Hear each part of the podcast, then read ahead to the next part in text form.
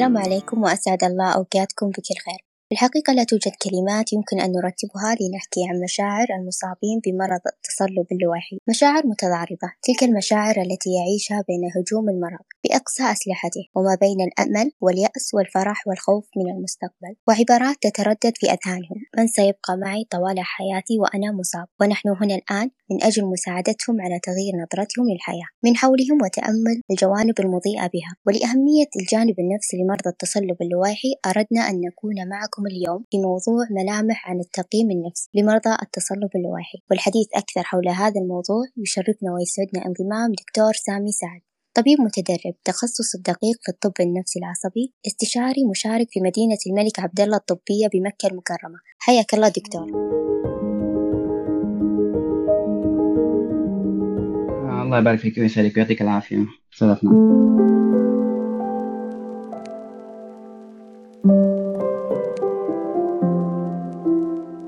الله يعافيك. طيب دكتور آه، سامي في البداية حابين تعرفنا عن المرض التصلب اللويحي؟ طب هو أنا قبل ما قبل ما أتكلم في الموضوع هنا في صراحة في نقاط أحب أذكرها في البداية وهي جدا مهمة. أول شيء أنا أنا طبيب نفسي يعني لست طبيبا عصبيا. على على قولتهم يعني أحبهم ولست منهم. فهذه نقطة جدا مهمة. يعني حتى الآن هذا سؤالك اللي ذكرتيه بخصوص إني أتكلم عن مرضى التصلب اللويحي بصراحة ما أرى نفسي شخص في تخصصي وفي عملي وفي... أنا أعرف المرض وقريت عنه كثير لكني آه، لست طبيب عصبي عشان أتكلم عنه. ممكن حتكلم كذا بأشياء بسيطة عنه. هذه نقطة. النقطه الثانية المعلومات صراحة اللي حطرحها هي معلومات تخصصية بشكل كبير. يعني قد تكون فيها صعوبة إنه الواحد اللي ما هو شغال في المجال لأنه يستوعبها. وأنا ححاول إني أبسط الموضوع بشكل إنه آه، الشخص اللي شغال في المجال ايا كان آه، مكان عمله يحاول يقدر يفهم المعلومات المذكورة. النقطة الثالثة أي توعية صحية؟ وأنا الآن قاعد أمارس توعية للناس اللي شغالين في المجال مو توعية عامة، أي توعية صحية؟ لا يوجد فيها إطلاق كامل، يعني لا يوجد فيها معلومات مطلقة، عشان كذا أي معلومة حذكرها هي معلومات من دراسات، يعني الجانب النفسي من مرضى التصلب اللويحي حسب اطلاعي ما في إلا منه إلا كتابين فقط، وهذه كتابين أنا قرأتها، فهذه يعني أنا جمعتها وتعبت الماده لكن ما اطلعت على كل الدراسات، فالمعلومات اللي حذكرها هي معلومات مهما كانت هي معلومات محدودة حسب المعلومات اللي أنا قرأتها حسب علمي، خصوصا في مرضى التصلب اللويحي لأن مرض التصلب اللويحي هو مرض من اختلاف أنواعه، بعض يرى إنه قد يكون هناك تصنيفات لأمراض مختلفة تحت التصنيفات الحالية مرض التصلب اللويحي. النقطة الأخيرة آه، من عيوب المساحات في تويتر والمزعج فيها ما يمديني أذكر فيها المراجع، الواحد ما يمدي يشوف بس حيسمع، فأنا حذكر معلومات بدون ما أذكر مراجعها وهذه صراحة نقطة ما هي جيدة بشكل كبير في الطرح العلمي. التصلب اللويحي بشكل عام من ناحية نفسية بين قوسين من ناحية نفسية. يمكن الناس شغالين في المجال يعرفوا إنه مرض التصلب يصيب الناس في ال young age يعني في أعمار الشباب وفي ال middle age يعني بين يعني بين 15 و 50 سنة. هذا العمر اللي غالبا تبدأ فيه آه، المرض المرض التصلب اللويحي. وهذا العمر يعني يهمنا كثير في المجال النفسي لأنه هو العمر اللي أغلب مرضانا يجونا فيه. ال depression الاكتئاب القلق مثلا القطب أي عادة الأمراض اللي الذهان كلها في هذا العمر تقريبا. فهذا يعني في المنطقة دي منطقة ممتلئة ب يعني اضطرابات نفسية ووجود التصلب اللويحي يخلي الموضوع أكبر. يعني حتى بالمناسبة يعني في السنوات الأولى من تشخيص المرض التصلب اللويحي الهجمات اللي تصير أو الانتكاسة اللي تصير في التصلب اللويحي تكون أكثر مع الوقت ممكن تخف. طبعا حسب النوع حق التصلب اللويحي فهذا يخلي احتمالية وجود اضطرابات نفسية برضو أكبر في السنوات الأولى. نقطة كمان مهمة إنه ترى مو كل المرضى المصابين بالتصلب الوحي يملكون نفس الأعراض النفسية بالذات. لأن التصلب الوحي فيه له أنواع وكل نوع قد تتشابه الأعراض لكن التطور حق كل مرض يختلف. فأنا أي كلام حقوله اليوم لا يعني إنه ينطبق على كل المرضى. من أكثر الأشياء المزعجة لدى مرضى التصلب إنه مشكلة الإعاقة عندهم تسوء مع الوقت. وكلمة الإعاقة هنا لازم ننظر لها بمنظر يعني بنظرة كده أكبر. الإعاقة ما هي فقط إعاقة جسدية. يعني أنا أتوقع أنه أحيانا قلت كلمة إعاقة ممكن الواحد يفكر الإعاقة الجسدية. لا الكلمة أكبر هي إعاقة جسدية هي إعاقة وظيفية هي إعاقة نفسية هي إعاقة ذهنية. حنتكلم عن الموضوع ده. والتصلب اللويحي مهم إنه نتكلم فيه من ناحية نفسية لأنه أحد الأسباب اللي قد تؤدي إلى الهجمات أو الانتكاسة في مرضى التصلب هي هي وجود آه، ضغوط نفسية للمريض. هذا الشيء يخلي الموضوع مهم من ناحية نفسية. عادة مرضى التصلب يبدأ مثلا بشوية ضعف في أحد الأطراف ممكن يبدأ ب في مشاكل في عين واحدة من ناحية الألم مع الحركة. ممكن يبدأ بتنميل في اليد. يعني نادرا ممكن يكون في مشاكل في النظر إنه سام يراها المريض يراها يعني على مرتين أو مشاكل آه، في التبول. لكن 5% وممكن أقل وأكثر المرض الصلب اللويحي يبدأ بأعراض نفسية أو باضطرابات نفسية. هذا شيء ما هو شائع يعني نتكلم على 5% آه، ما هو شائع ولا هو شيء صراحة الواحد يتكي عليه بمعنى إنه مو كل مريض فرضا بدأ معاه تنميل بشكل كذا خفيف وجاني باضطراب نفسي ولسه ما تشخص. بتصلب الوحي اقوم أفكر والله أوه هذا عنده تصلب وحي هذا جدا احتمال ضعيف. حتى يعني الضعف كمان إنه ممكن في بعض المرضى يصاب باضطرابات نفسية وبعدها ممكن بسبع سنين يبدأ معاه الأعراض الثانية في التصلب اللوحي. فوجود إنه الاضطراب النفسي هو يكون أول شيء. اللي يعني التمهيد الأول لمرض التصلب اللوحي احتمال ما هو جدا كبير. هذه نقطة جدا مهمة حاسة. فهذا يمكن هذا بشكل عام. بما أنك ذكرت يعني الجانب النفسي في مرضى التصلب الوحي. هل ممكن تكون يعني أسباب الإصابة هي أسباب نفسية بذاتها أو في أسباب أخرى؟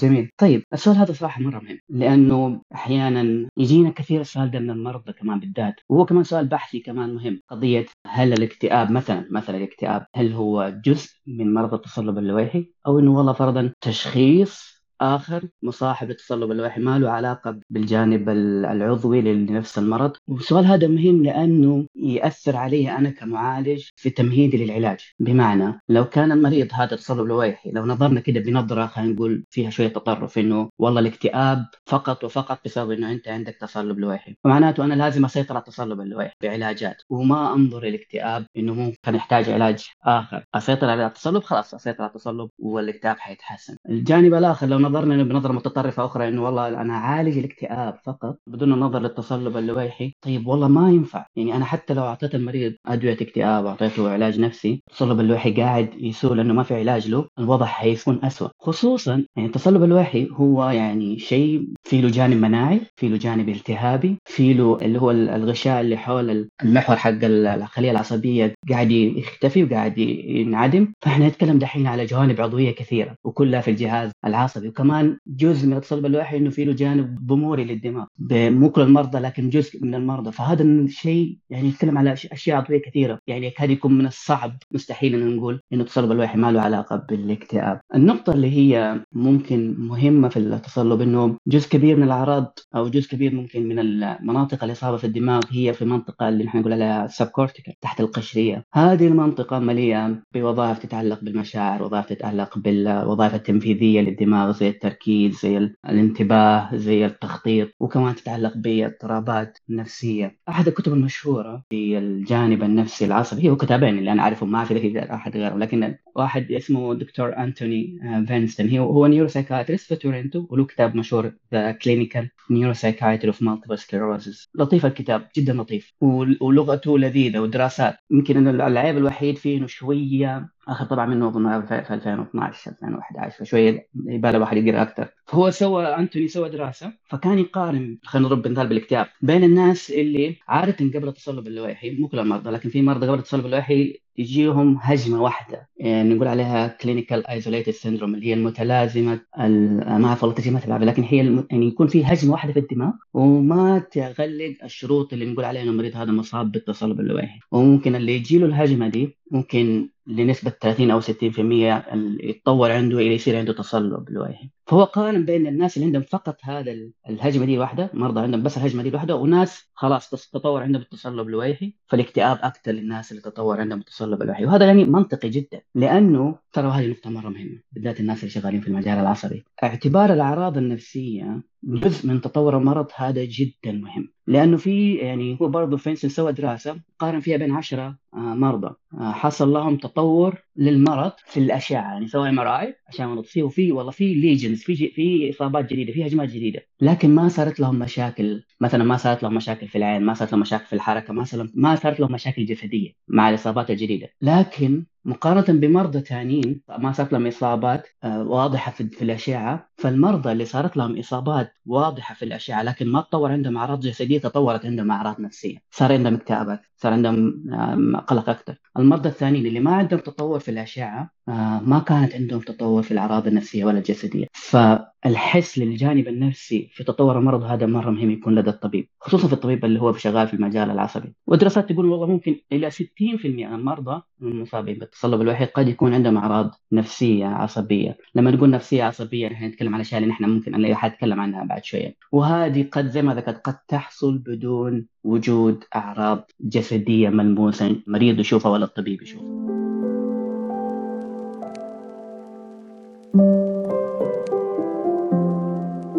طيب دكتور آه، هل ممكن لما يكون في تقبل أو تعايش للمرض عند المريض يعني تخفف منه الأعراض الاضطرابات النفسية؟ أوكي والله التقبل هذا كلمة شوية مطاطة لأنه التقبل إيش يعني التقبل؟ هل معناته إنه أنا يصير عندي المرض أكثر و... ويصير عندي أعراض أكثر وخلاص أنا أرضى بالوضع ده وما حقدر أغير فيه. فهو آه، التقبل جيد. الأهم كذلك قضية التقبل قضية مو تقبل المرض بقدر ما هي قضية تقبل عدم الوضوح في المرض. وهذه حنتكلم عنها شوي قدام. لأنه أحد المشاكل المزعجة ترى في التصلب الوحيد قضية هذه عدم الوضوح. مو واضح أنا إيش حيصير معنا. مو واضح أنا أي تحت أي نوع. حيكون. مو واضح إذا أنا نفرض اللي هو relapsing remitting MS أحد أنواع التصلب اللي هي قد تكون يعني الحميدة خلينا نقول الكلمة هذه كلمة شوية واسعة. ممكن ما تصير عندهم هجمات لكن في خطر بعدين إنه الموضوع ممكن يتطور. فهذا عدم الوضوح متعب مزعج. فما بالك بشخص في مقتبل العمر شخص يرى الأعراض قدام عينه تعيقه. فتقبل عدم الوضوح هذا ممكن الواحد يشتغل عليه أكثر من إنه أنا أقول بكذا بشكل عام نتقبل المرض كذا بشكل عام. جميل. طيب آه، دكتور لما نتكلم يعني عن الأمراض المزمنة مثل التصلب والأورام والإعاقات الجسدية وغيرها هذه الأمراض تيجي معها أعراض مصاحبة للأعراض النفسية تكون بسبب الضغوط اللي يمرون فيها المرضى يعني ممكن ينتقل قلق أو اكتئاب برضه ممكن يروح الرهاب الاجتماعي وغيرها من الاضطرابات فإذا ممكن تتكلم لنا عن جانب الاكتئاب عند المصابين بالتصلب اللويحي جميل. طيب خلينا نبدأ أول شيء بالاكتئاب، اكتئاب لأنه يمكن من أكثر الاضطرابات النفسية اللي تم دراستها في التصلب، يعني أي واحد يفتح أي مقالة تتكلم عن الاكتئاب في التصلب اللائحي أول يمكن أول في أول ست سطور سبع سطور حلاقي رقم مميز 50% 50% إنه 50% من المرضى المصابين بالتصلب اللائحي لديهم أعراض اكتئابية. وهذه النسبة قد تكون بالفعل منطقية لكن في نفس الوقت ترى رقم شوية كبير. واحد الأسباب اللي اعزوا فيها إنه رقم كبير لأنه نفسه لأنه ذات الصلب الوحي ترى مختلف. البرزنتيشن حقه مختلف. يعني في مرض يكون في مرضى من المصاب التصلب الوحي عندهم نوع من أنواع اللي هي تطورها سريع وفي نوع اللي هو نوع جدا يرتفع في البداية وفي نوع اللي هو لا خافت وفي نوع اللي بس تجي له هجمة واحدة. الاختلاف هذا يخلي النسب تتفاوت. الشيء الثاني وهذه حذكرها بعدين إنه الأعراض في تقاطع بين أعراض الاكتئاب وأعراض التصلب. فممكن واحد مريض يجي في الدراسات هذه يقول يعطي أعراض أعراض عفوا تصلب واللي حق الدراسة يسجلها في المقياس إنه عنده على أنها أعراض اكتئاب. كمان أحد المشاكل اختلاف المقاييس. في ناس يستخدموا مقاييس شوية أريح في الدراسات فتخلي الرقم أكبر وهكذا. أيوه صح بالمناسبة نقطه كمان إنه هذه الدراسات أبو 50% إنه سووها في مراكز tertiary hospital يعني مراكز رعاية تخصصيه أكثر فطبيعي تكون مشاكل المرضى أكثر طبيعي تكون الأعراض أكثر طبيعي يكون الاكتئاب أكثر. لكن لما نسوي دراسات أكثر بحسب حاولوا في إنهم يحاولوا يخلوا المعايير واحدة نوع واحد مده الإصابة واحدة المقياس المقاييس اللي هي يعني في عليها إجماع إنها هي الأفضل للمرضى المصابين بالتصلب اللوحي الانتشار يكون بين 25% إلى 15% جميع المرضى. وهذا ترى بالمناسبة حتى يعتبر في بعض المجتمعات يعتبر double انتشار الاكتئاب في في الجنرال في الناس العامة فهي نسبة كبيرة. طيب هل حديث عن الاكتئاب في تصلب اللوحي نوع من الترف؟ آه لا والله مو نوع من الترف والسبب بسيط جدا. حسب الدراسات وهذه الدراسات كمان تكررت إنه الاكتئاب هو أحد أهم الأشياء العوامل اللي تأثر على جودة الحياة حسب مقاييس جودة الحياة. لدى المرضى المصابين بالتصلب اللوحي اكتئاب أكثر معناته جودة حياة أضعف حسب المقاييس. والاكتئاب مصاحب باحتمالية أكبر للتنويم للمرضى احتمالية أكبر للالتزام أقل بالأدوية. اللي هي أدوية تعديل مسار المرض disease modifying therapy فمهم الحديث عن مهم نتكلم. عادة المرضى التصلب اللوحي اللي عندهم إصابات في في الدماغ أكثر من الإصابات في العمود الفقري تكون الاحتمالية للاكتئاب أكثر. اللي عندهم إصابات في العمود الفقري تكون احتمالية الاكتئاب أقل. وهذا يرجعنا الكلام إنه والله الموضوع في له جانب عضوي. إصابات في الدماغ أكثر احتمالية للاكتئاب أكثر. أحد العوامل برضو المهمة أنا ما بخش في تفاصيل كده عميقة لكن أحد العوامل المهمة إنه وجود اكتئاب قبل التصلب اللويحي إنه المريض عنده اكتئاب قبل التصلب هذا يرفع الخطر. في الجهة الثانية إذا الأهل أهل المريض عندهم تاريخ مرضي باكتئاب هذا لا يرفع الخطر حسب دراسات ما ما وجد إنه شيء عامل خطر كبير. وغالبا بشيء طبيعي إنه الاكتئاب أكثر يصير وقت حدوث الهجمات أكثر من الوضع اللي هو التعافي. لكن يعني حتى المرضى اللي ما عندهم هجمات حتى لو النوع حقهم النوع اللي هو الحميد وجدوا إنه والله ممكن إلى 54% تحدث لهم أعراض اكتئابية. نحن دائما لما نقول في الاضطرابات النفسية في الاكتئاب نقول والله إنه والله عادة إنه منتشر لدى السيدات أكثر. في التصلب اللويحي لا يوجد هذا الاختلاف بين الجنسين مع إنه ترى مع إنه التصلب اللويحي منتشر لدى السيدات أكثر. أتوقع بنسبة ثلاثة إلى واحد يعني من كل في في ثلاثة سيدات مصابين بالتصلب مقابل واحد رجل مصاب بالتصلب. وهذا ترى والله حتى أنا لاحظته في, في العيادة. الرجال اللي يجوا بأعراض اكتئابيه من مرض التصلب عددهم جيد يعني ما هو العدد اللي فرضا في العيادات النفسية المعتادة. مع إنه التصلب أكثر لدى السيدات. من العوامل اللي من الدكاترة انتبهوا لها قضية استخدام أو الانقطاع المفاجئ لل corticosteroids اللي نستخدمها مع الالتهاب. يعني ما هو عامل خطر كبير لكن من العوامل اللي الواحد ينتبه لها. لما نستخدم ال muscle relaxants لما المرضى يجيهم التجمد في العضلات ده spasticity فنستخدم مثلا baclofen نستخدم dantrolene حسب دراسات إنه قد تحمل خطر الاكتئاب حتى مو بس الاكتئاب بس حتى للهوس حتى للذهان حسب نوع الاستيرويد حسب كمية الجرعة اللي اعطت أعطيت في البداية. حسب إذا كان في sudden sudden discontinuation هذا يسوي مشاكل. النقطة اللي هي صراحة مهمة للطبيب النفسي والطبيب العصبي والمعالج النفسي. في تعارض بين أعراض الاكتئاب وأعراض التصلب يعني من أهم الأشياء الواضحة اللي هو الإرهاق. الإرهاق هذا موجود لدى مرضى التصلب حتى لو ما كان عنده اكتئاب. المشاكل النوم. يعني شوف أنا قاعد أتكلم الحين إرهاق مشاكل النوم مشاكل الشهية. مشاكل في التركيز. هذه أنا قاعد أتكلم على على الأشياء اللي هي ال criteria حق ال depression diagnosis الأشياء اللي نشخص فيها ال depression فهذا التداخل يسوي مشاكل. أهمها إنه يخلي مرضى كثير يكون عندهم مثلا اكتئاب ويفوتوا علينا لأنه نظن إنه هذه أعراض تصلب. حتى في الجهة الأخرى ممكن يكون مرضى عندهم إنه هذه أعراض تصلب لكن نظن إنه عندهم اكتئاب ونقوم نعالجهم بأدوية اكتئاب. وندخلهم في دوامة هذه دوامة إنه أنت قد يكون هذا اكتئاب والموضوع فقط هو عائد للتصلب عشان كذا المقاييس يعني في دراسات كثيرة تتكلم إيش المقياس الأفضل ويعني في إجماع على بعضها للأسف ما اظنها معربة لكن يعني حسب خلينا نقول خبرات عيادية من الناس اللي اشتغلت معاهم من الموجود في المقالات إنه أستخدم المقاييس المعتادة، نحن عادة ممكن نستخدم ال PHQ 9 حق الاكتئاب، أستخدمها عادي استخدمها ولا تدخل مريضك في مقاييس أكثر ولا أشياء أطول مع إنه في مقاييس اقصر بالمناسبة المناسبه للتصلب لكن أستخدم هذا اللي هو المشهور لكن أنظر لها بنظرة آه، فلترة. إذا المريض قاعد يسوي درجات عالية في الإرهاق درجات عالية في مثلا في النوم درجات عالية في الشهية آه، يعني درجات عالية قصدي درجات من ناحية السوء. أنت لازم تفكر امم هل هذا يرجع بسبب الاكتئاب ولا بسبب التصلب اللوحي؟ لا تأخذ الرقم كده بدون ما تنظر للأسئلة بدون ما تنظر للإجابات.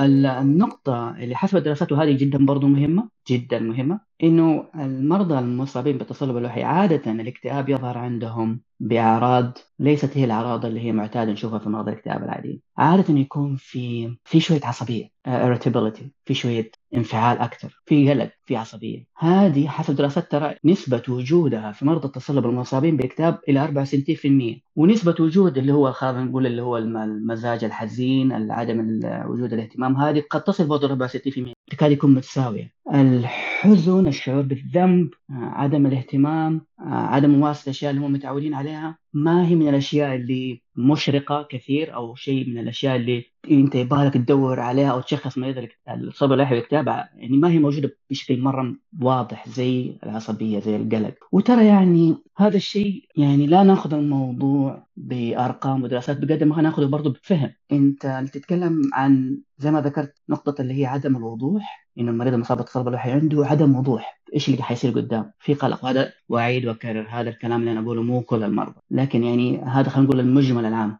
إنه في عدم وضوح. أنا صغير في السن. إيش حيصير قدام؟ هذا الشيء يصنع قلق أكثر. يصنع عصبية أكثر. مو زي مثلا خلينا نقول مثلا زي إيش مرض ثاني؟ آه خلينا نقول زي ال HIV الايدز لما المريض الايدز يجي له اكتئاب يجي على المناسب لل psychopathology أو المناسب لل للسياق اللي قاعد يصير فيه المرض. HIV معناته لوم أكثر معناته عزلة أكثر معناته حزن أكثر معناته عدم ممارسة الاهتمامات أكثر فالقلق العصبية هذه ما هي واضحة بشكل كبير في الاتش آي في وهذا ترى كلام بالدراسات. هذه جدا مهمة. طيب الإرهاق عشان في المرضى التصلب وهو برضه موجود في الاكتئاب من الاشياء اللي تقدر تفرق فيها إنه تشوف الإرهاق هذا متى يصير. والله إذا صار مع الحر مع المريض التصلب اللوحي لما يخرج في الأجواء الحارة لما يتروش في مويه حاره لما يتمرن يبدأ الإرهاق يظهر معاه. فهل الإرهاق هذا شيء ظاهر وقت ارتفاع درجة الحرارة؟ معناته هذا شوية ماشي مع التصلب أكثر منه ماشي مع الاكتئاب. النقطة الثانية كمان من الاختلافات اللي برضه جدا مهمة قضية إنه مريض التصلب عادة لما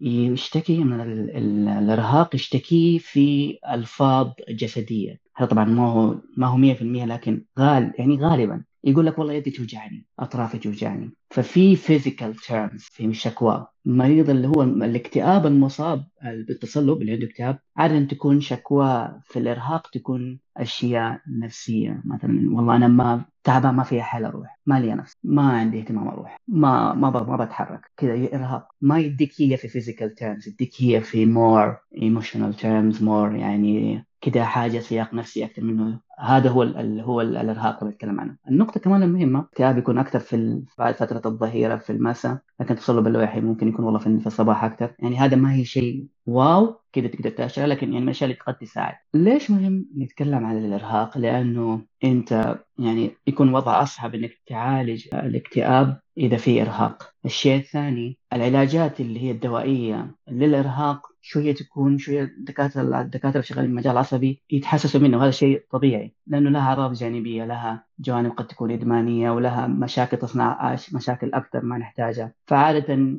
يشتغلوا على الجانب التثقيفي جانب ال public health يعني يركز يخلي المريض يركز أكثر على mindfulness يركز على التمارين العضلية يركز على كيف يحافظ على طاقته ويوزعها يوغا CBT هذه الاشياء اللي قد تساعد في الإرهاق. من الأشياء كمان اللي تتشارك بين الإكتئاب والإرهاق قضية الوظائف الذهنية. وخصوصا في الوظائف الذهنية اللي هي تتم بشكل يعني أنا المريض هو يقوم بالوظيفة الذهنية بشكل يعني كده هو بيسوي بشيء أنا بركز دحين. لما المريض كده يحاول بشكل كده مقصود إنه يركز هناك يشعر مريض التصلب اللويحي في اللي مصاب باكتئاب بانزعاج إنه ما يقدر لكن لو مشي بطريقة لا موعية يركز في أمور قاعدة تصير حوله يعني لو بيركز يسوي بيخلي ال extension حقه ال attention عفوا حقه واضح لشيء معين وفي كذا حاجة مؤثرات حوله بشكل لا موعي الوضع ترى يكون كويس ماشي حاله. لكن لما يبذل جهد هنا تصير المشكلة. من الأشياء اللي الواحد ينتبه لها قضية خطر الانتحار أكثر في مرضى التصلب اللوحي من ال general population ما هو بشكل كبير لكن الخطر أكثر. وحتى دراسات وجدت إنه والله حتى في النساء أكثر يعني مو النساء ممكن يكون أكثر من الرجال ولا في دراسات وجدت لا والله الرجال أكثر. وخصوصا في أول سنتين من التشخيص مع التصلب. أول سنتين بعد التشخيص.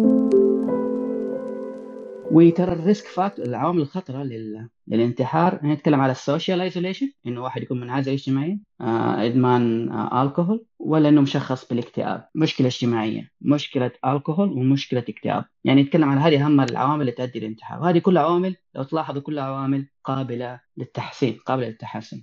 الأدوية عادة يعني نحن حتى في, في العيادة عندنا الدكاترة لما دكاترة الأعصاب لما يحولوا علينا المرضى المصابين بالتصلب وعندهم اكتئاب عادة يبدأوا بعلاج. وهذه خطوة ترى جيدة. لا تنتظر أنا من رأيي وهذا حسب كلام يعني شفته وقرأته. مع إنه في guidelines ترى في recommendation تقول لا ما في مفعول كبير لأدوية الاكتئاب. للناس المصابين. اكتئاب وتصلب اللوحي لكن والله في دراسات تقول لا في مفعول كويس. فمن رأيي إنه لا تستنى المريض يجي يشوف أنا عشان تبدأ له علاج. أبدأ له بشيء معروف common is common أبدأ له مثلا يعني من الأشياء اللي فيها عليه والله articles كثير تتكلم على السيرترالين ليش؟ لأنه دواء شائع في دراسات كويسة تقول إنه يحسن الاكتئاب وغير كذا في evidence بسيط إنه والله ممكن يقلل من تحلل اللي هو يقولوا له المحور حق الخلية العصبية العصبون. في دراسات تقول والله إنه السيرترالين يقللها فأبدأ سيرترالين يعني ما يحتاج آه، إنك تنتظر لما نشوف يعني لما نشوف الطبيب العصبي. حتى والله ما يحتاج تحوله لو في تحسن لو والله ما في تحسن رفعت له الجرعة ما في تحسن ديك الساعة ممكن أقول لك خليه يجي يشوفنا نشوف إيش الوضع آه وهذا ترى حسب كمان ال recommendation حق ال National Multiple Sclerosis Society في أمريكا 2005 أبدأ بجرعة عادية 25 ملغ مثلا. حتى هذا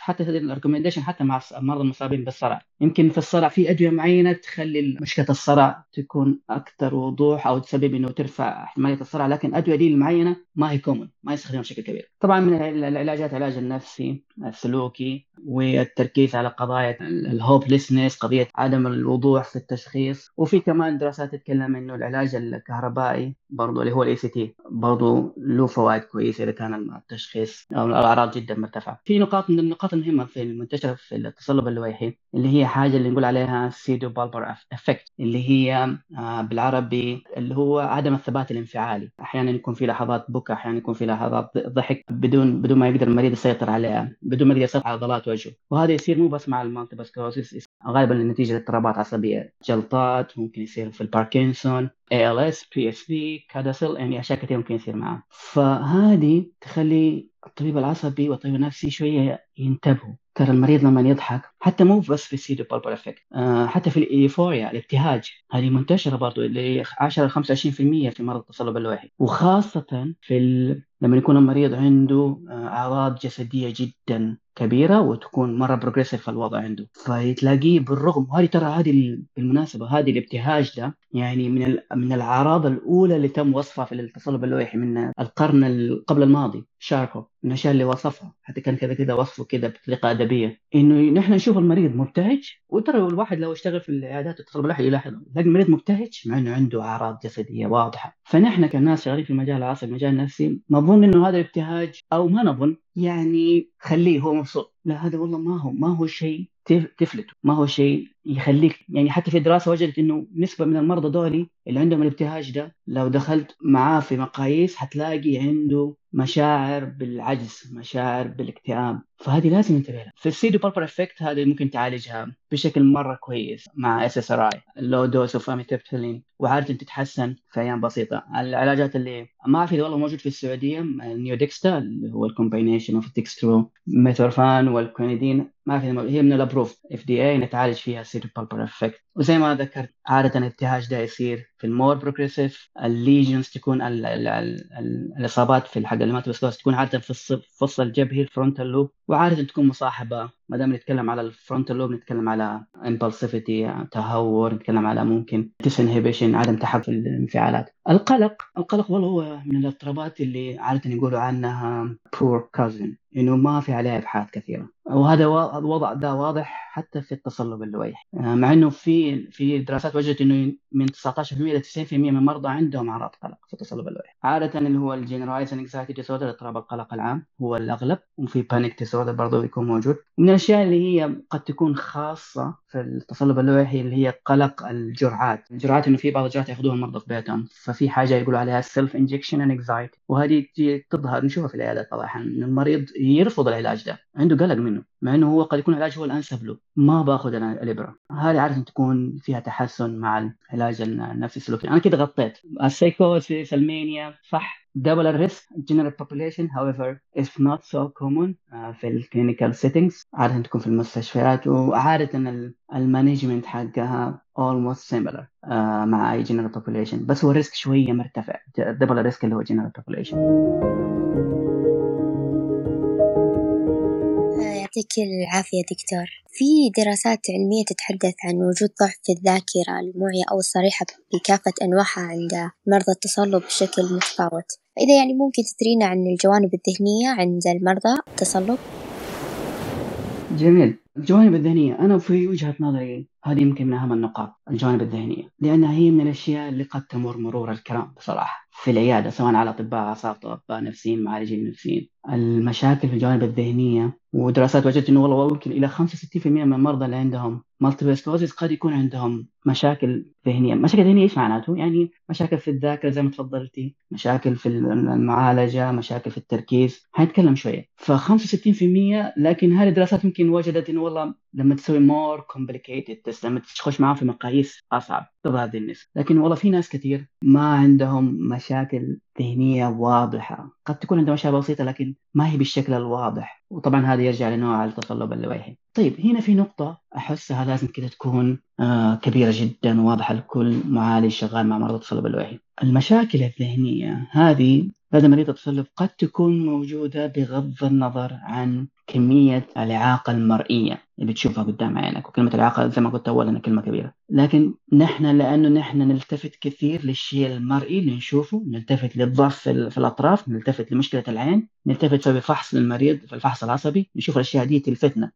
المشاكل الذهنية ما هي واضحة. والمشاكل الذهنية زي ما قلت أول بحق دراسة الأشعة قد تكون هي دليل على تطور المرض بالرغم من عدم وجود أي إعاقة جسدية. لأنه ال multiple sclerosis هو قد يكون عامة يكون مرض في ال white matter في المادة البيضاء للدماغ لكن هو مو بس المادة البيضاء حتى في ال grey matter however عشان غالبا في ال white matter هذه المنطقة ممتلئة بوظائف ذهنية كثيرة. وفي دراسات تقول إنه تقريبا واحد من كل مريضين مصاب بالتصلب اللويحي وعنده مشاكل في الوظائف الذهنية على الأغلب سوف يمر يعني على قولتهم مرور الكرام في العيادة العصبية بدون ما حد ينتبه لهذه المشكلة. والمشاكل الذهنية قد في التصلب الوحي قد تكون سبيكترم حقها مرة واسع قد يكون في في نسبة كبيرة من المرضى ما عندهم أي مشاكل ذهنية تماما. وفي مرضى قد يكون يعني هذا شيء نادر. قد يكون. العرض أو الشيء اللي جابه للعيادة مريض التصلب الوحي اللي جابه للعيادة عندنا أو جابه للعيادة عموما العصبية هو الخرف. إحنا نتكلم على واحد مريض ما عنده أي أعراض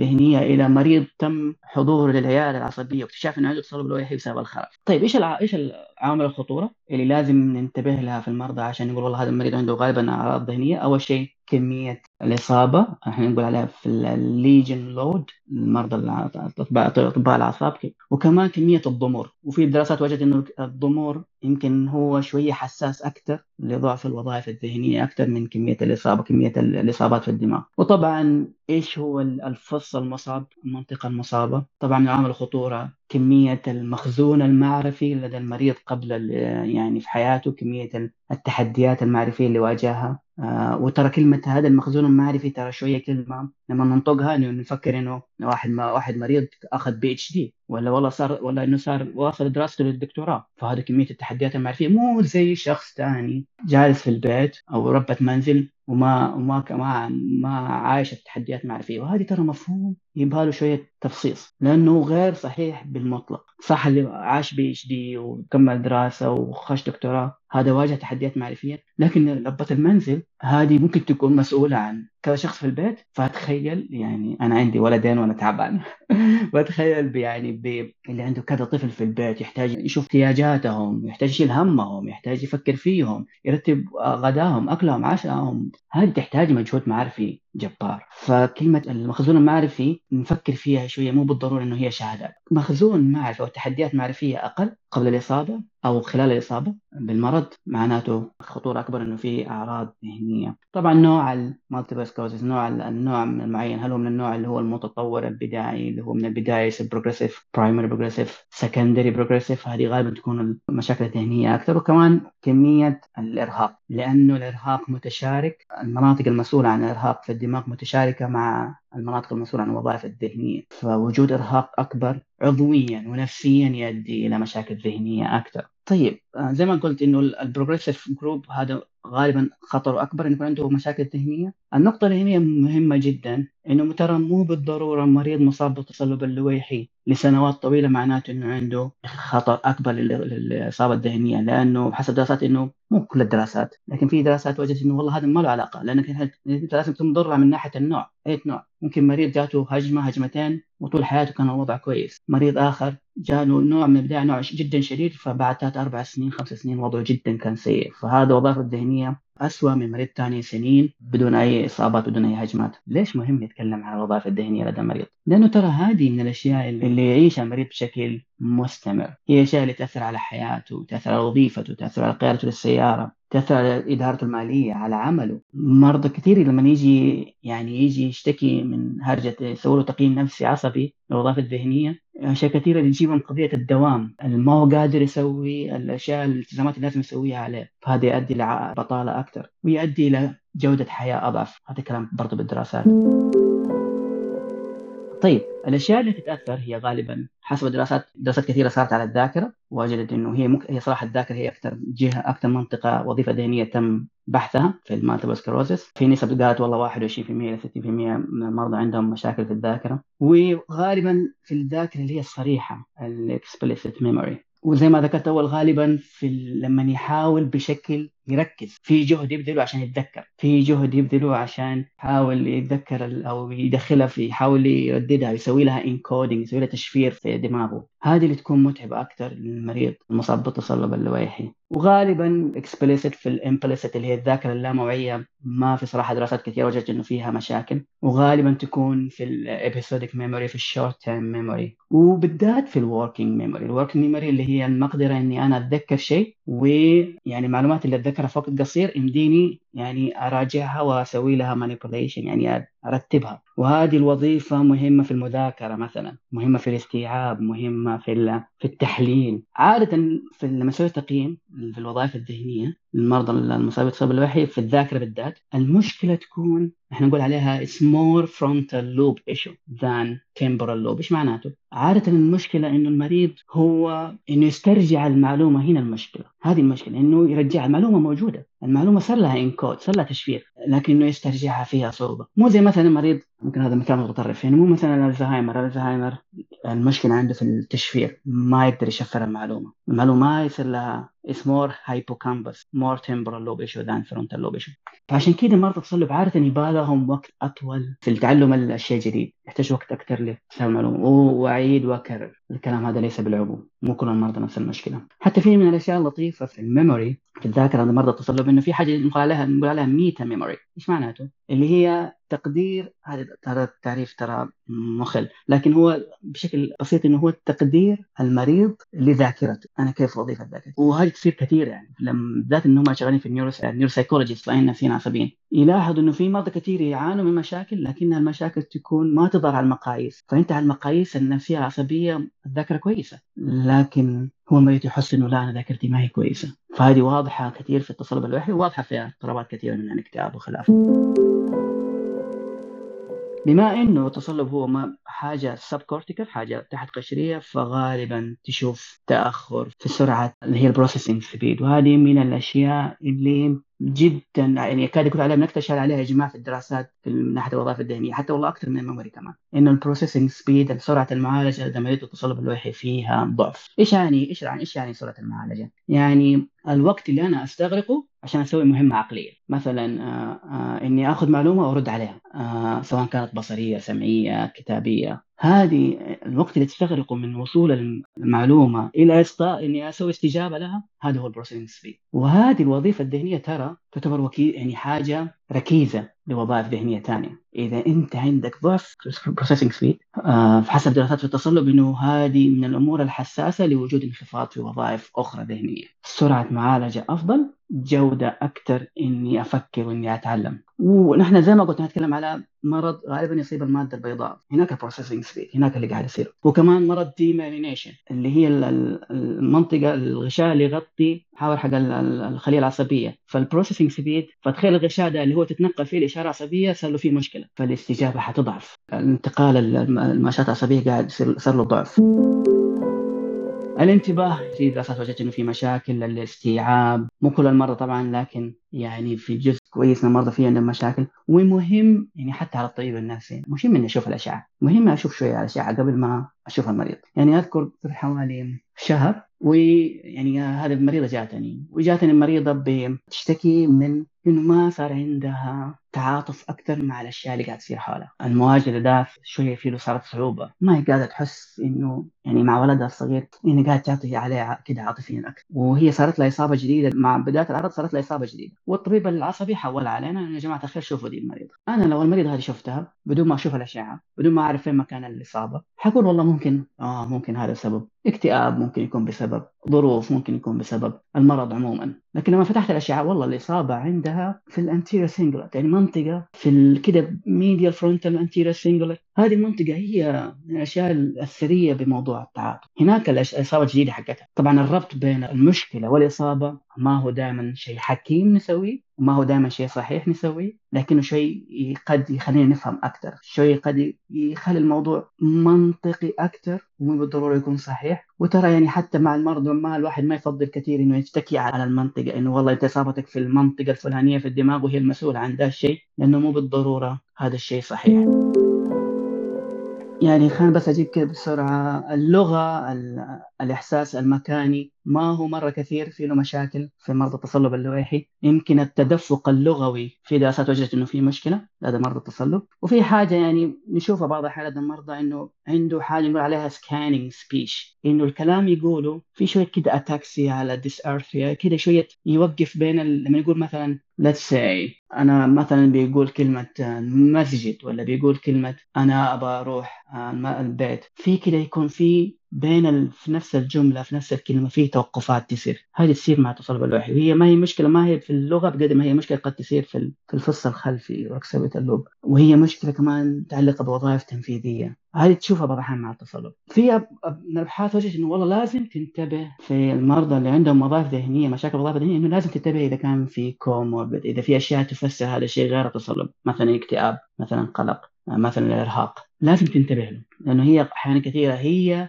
ومع المقاييس النفسية العصبية ترى تبان بعض الأحيان إنه هي اللي تفسر الأعراض الذهنية أكثر من إنه التصلب اللوحي ال IQ in general stable في مرضى التصلب اللوحي في دراسة نرويجية وجدت إنه والله لأنه في النرويج والسويد عادة يسووا كده ال data عندهم رهيبة. فتلاقيه من المدرسة أخذ IQ لطلاب وبعد سنين أخذ IQ فوجد إنه والله ال IQ حق المرضى المصابين. التصلب اللوحي شوية ينخفض بعد الإصابة مع الزمن. و make sense ترى. طبعا مو كل المرضى لكن لأنه نحن نتكلم إيش هو إيش هو ال IQ هو تحليل هو قدرة إبداعية هو شيء عملي. فأنت تتكلم على وظائف ذهنية صارت فيها مشاكل فطبيعي إنه التحليل والجانب الإبداعي ده والعملي يصير له ضعف. نقطتين كده سريعة إنه ترى ال MMSE اللي هو حق اللي نسويه بعض الأحيان للتقييم الوظائف الذهنية تماما لا أحد يستخدمه في screening بالذات. don't use يعني إذا حساسية ال MMSE حساسيته عشان يشوف لك ال sensitivity عشان يشوف لك اللي هي ال mild cognitive impairment اللي هي المرحله اللي قبل مرحلة الخرف عشان يلقط المريض في المرحلة دي هذه up to 18% يعني 18% بس. إيش يعني sensitivity معناته إنه احتمالية ال false negative مرتفعة. كل ما في risk أكثر إنه يطلع لك مريض بنتيجة سلبية إنه هو كويس لكن هذه النتيجة ترى غلط. المريض ممكن يكون عنده مشاكل ذهنيه كثيرة والاختبار ده ما صادق لأنه الميني مينتال ستيت ما يركز على الايشوز اللي هي سب كورتيكال ما يركز على الاكسكيوتيف فانكشنز يفوتها. آه فالتصلب اللوحي هو مشاكل الوظائف التنفيذية مليانة فام ام اس ما حيفيدك. حتى ترى يعني في الديمنشيا يعني في الخرف خلينا نقول على اللوي بادي باركنسون وات ايلس فرونت تمبورال بالذات اللوي بادي باركنسون والفاسكولار ديمنشيا هذه مليئة بالاكسكيوتيف فانكشنز ديسفانكشنز فام ام اس اي از جاربج إنك تستخدمه ك screening تستخدمه كمتابعة بعد التشخيص it's okay okay. أحيانا الوظائف الذهنية في مرض التصلب في لها تحسن طبيعي بدون أي شيء. طبيعي العلاج اللي هي المعدل المرض ال modifying disease treatment so important إنك تستخدمها في دراسات وجدت إنه والله العلاجات اللي تستخدم مع الخرف cholinesterase inhibitors قد تساعد مع المصابين بالتصلب اللويحي وعندهم مشاكل ذهنية. في دراسات والله لا وجدت إنه استخدام بعض ال rehab إعادة التأهيل الذهنية خصوصا التعويضية. يعني أنا أعوض ما أشتغل على وظيفة ذهنية معينة زي مثلا المرضى المصابين بالإصابات الدماغ. لا أشتغل على الوظائف الذهنية بشكل عموم بشكل عام. هذه قد يكون لها جانب تحسن من الوظائف الذهنية لدى المرضى وهذه يمكن النيوروسايكولوجيست أخصائيين نفسيين عصبيين هم ادرى فيها. أشياء بسيطة تساعد يعني مثلا المريض كيف يتكلم في كيف يرتب واجباته الوظيفية كيف يسوي ثبات في بيئته الوظيفيه كيف يسوي عدم إزعاج في العمل في البيت؟ إيش نقدر نسوي مع بعض؟ حتى ممكن نجلس مع مع مديره في العمل. وهذه كنا نسويها والله في السويد. نسوي اجتماع مع مديره في العمل. كيف نقدر نشتغل على الموضوع ده؟ يستخدم استراتيجيات زي التقويم وخلافه. هذا يمكن تكلمت كثير. هذا يمكن أهم شيء في الوظائف الذهنية.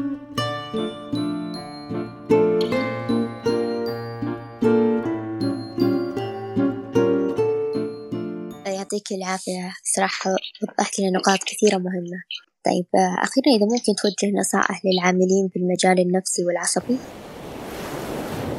طيب آه والله ما في نصائح لكن هي يعني اللي قلته يعني أتوقع كان كافي ونحن نتعلم من بعض. يمكن في أشياء كده تيبس قد تفوت على أطباء. آه يمكن ال tips هذه أنا أتكلم عشان أنا كطبيب فحس انه لازم تكون واضحة للأطباء في مجال نفسي مجال عصبي. أول شيء إنه الأدوية ال antidepressants المضاد الاكتئاب المخاطر الجانبية حقتها ال side effects حقتها بصراحة قد تكون شوية أكثر لدى مرضى التصلب اللويحي ومزعجة لهم أكثر وقد تؤدي إلى عدم الالتزام بالعلاج وهذه تصير كثير. لأنه عاده تبدأ مريض بمضاد اكتئاب حيسوي لك في الأيام الأولى anxiety حيسوي لك انفعال ممكن. ممكن يسوي شوية إرهاق. وحيسوي شيء ثاني حنتكلم عنه بعد شوية فهذه الأعراض هي أصلا الأعراض اللي هو جايك عشانها. فعشان كده ابدا بجرعة بسيطة. ابدا له بادويه أنت ما في أعراض جانبية و common is common is هذه نقطة أولى. النقطة الثانية يعني في دراسات وجدت إنه والله إلى 90% من المرضى وهذه نسبة شوية كبيرة لأنه في دراسات تخالفة إنه قد يكون عندهم مشاكل في المثانة وظائف المثانة وظائف الأمعاء وقد يكون عندهم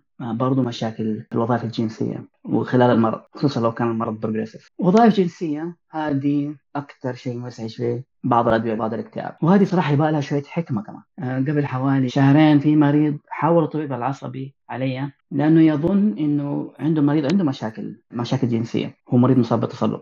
لكن الطبيب العصبي عنده في له حكمة إنه حس إنه هذه المشاكل قد يكون بسبب الوضع النفسي الاجتماعي اللي هو المريض عايش فيه. كمان المريض اللي زود زود المشكلة إنه المريض في طبيب عام قال له الطبيب العام حقه قال له العلاج التصلب اللويحي اللي ياخذه هو اللي قاعد يسوي لك المشاكل الجنسية. وهذا المريض جايب معلومه مغلوطة من طبيبه العام وهذا معلومة غير صحيحة. وعنده مشاكل نفسية اجتماعية وعنده تصلب لويحي فأنا كطبيب أعصاب ممكن أقول له يا ابن الناس ترى هذا بسبب بسبب مثلا بسبب تصلب وقد يكون صحيح فما لكن الطبيب العصبي كان حكيم وقال خلينا نشوف والله في عنده مشاكل نفسية اجتماعية فحاولوا عليه. طيب مريض اكتئاب ما عنده صرع قبل كده تصلب لويحي مشاكل جنسية أبدأ حرصت اني ادي له دواء مضاد اكتئاب وبالفعل عنده اكتئاب ومشاكل أعراض اكتئابية واضحة فبدات بالدواء ما في له بروبيون ما في له أعراض جنسية كأعراض جانبية. ما شهر شهرين والآدمي جاي هو مبسوط يعني مبسوط لأنه في تحسن في الأعراض الاكتئابية مبسوط لأنه في برضه تحسن في الأعراض الجنسية. فهنا الأعراض الجنسية كانت لوضع اجتماعي وضع أسري وضع معين هو كان مارر فيه أكثر من والله بسبب التصلب. و by the way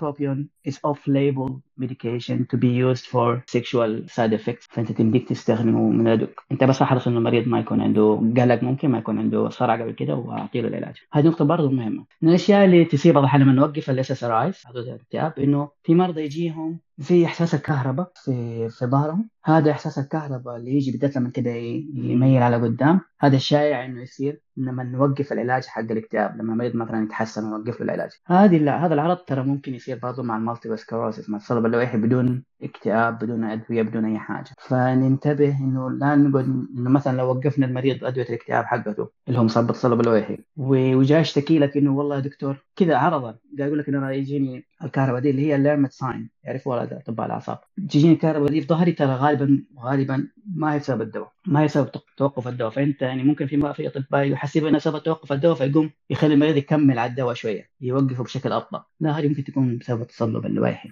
آه الألم في التصلب اللويحي شائع. ويعني من الأشياء اللي اللي نحن في الطب النفسي حتى اطباء الأعصاب يستخدموها إنه نعطيهم الأدوية اللي هي مضادة للاكتئاب بجرعات أقل اللي لها تأثير ضد الألم، فإذا كان مريض عنده مشكلة ألم وعنده اكتئاب فأنت أمامك الآن نافذة ذهبية إنك تعطيه مثلا duloxetine تعطيه venlafaxine هذه ادويه أدوية اكتئاب وتساعد برضه في الألم. ممكن برضه تعطيه كارباميزابين تعطيه low dose amitriptyline وبالذات إذا المريض عنده cognitive symptoms carbamazepine is a good choice لأنه كارباميزابين ما عنده أعراض ذهنية مرة كبيرة مقارنة مثلا بأدوية ال epilepsy الاخيره آخر شيء اللي بقوله إنه في مراجعة حديثة صارت قبل أظن سنة سنتين. ضمت كل أدوية العلاج التصلب اللويحي اللي هي ال disease modifying treatment اللي هم يستخدمون المرضى عشان تعدل مسار المرض. ال systematic review دي كان هدفها إنه يشوفوا هل في psychiatric side effect مع الأدوية دي؟ هل الأدوية دي سووا كده يعني حوالي كم دراسة؟ أظن 18 دراسة. لم هل في